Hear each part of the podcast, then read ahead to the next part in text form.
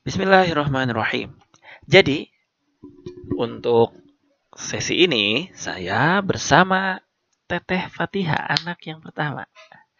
Kita mau cerita-cerita tentang makan yang manis-manis dan hubungannya sama corona. Hah? Apa tuh hubungannya makan yang manis-manis sama corona? Nih, jadi Teteh Fatihah suka banget sama yang manis-manis. Apa aja tuh yang Teteh suka? Suka yupi, suka permen, suka coklat, dan juga suka es krim dan jelly. Nah, sebetulnya saya dan istri sudah sering ngatur supaya jangan banyak-banyak dan jangan sering-sering. Tapi kadang-kadang susah juga waktu beberapa waktu yang lalu pasti nangis kalau dilarang. Tapi sekarang sih udah enggak, udah lebih nurut, udah besar ya. Ya udah udah lima tahun. Ya. Nah, waktu dulu waktu susah dikasih tahu, kadang-kadang juga suka cari-cari celah mintanya ke nenek kakeknya, ya. Iya.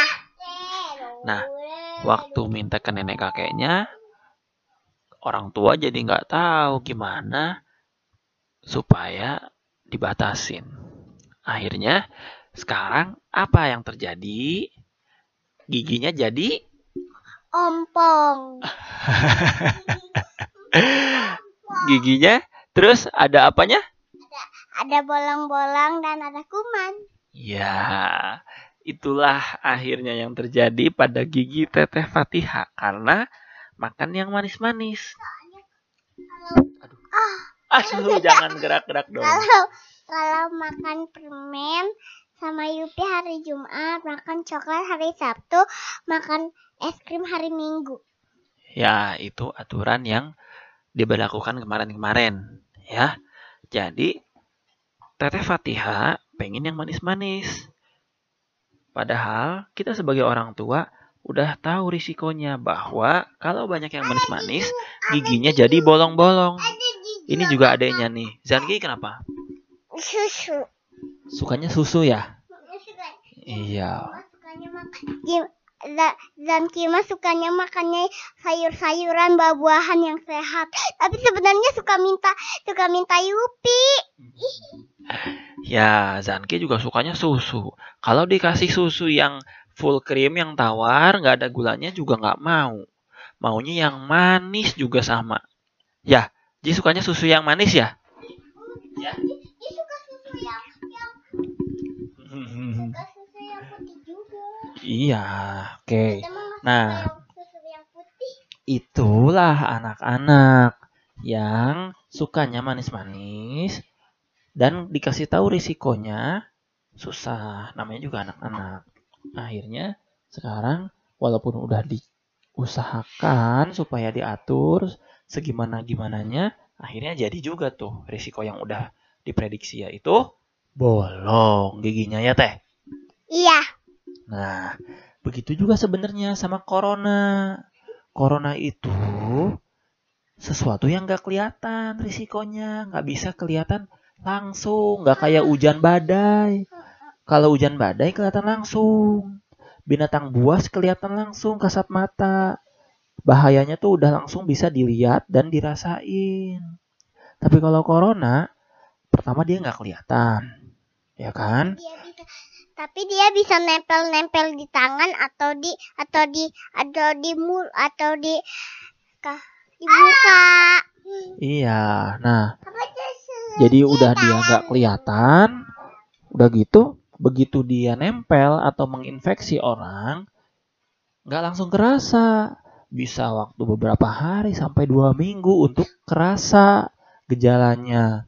Bahkan ada yang nggak sama sekali sama sekali ngerasain, tapi dia ngebahayain ke orang lain, bisa nularin. Tapi kalau kalau di tangan ada nempel-nempel nanti bisa demam, bisa pilek, bisa meninggal. Iya, itu tuh belakangan ya munculnya. Nah, makanya kita ya masyarakat yang paham dan pemerintah harusnya tegas aja. Ibaratnya kayak orang tua yang ngasih tahu ke anaknya. Walaupun anaknya belum tahu, belum ngerti, susah dikasih tahu. Risikonya nggak kelihatan langsung, baru mungkin muncul belakangan kayak gigi yang bolong. Nah, tapi Tapi pemerintah sama masyarakat yang paham harus tegas. nanti nan- nanti sama Uma mau dibikin bon, te- boneka boneka corona terus nanti tete sama aja kayak halo nama aku Korun. Hah, Corona.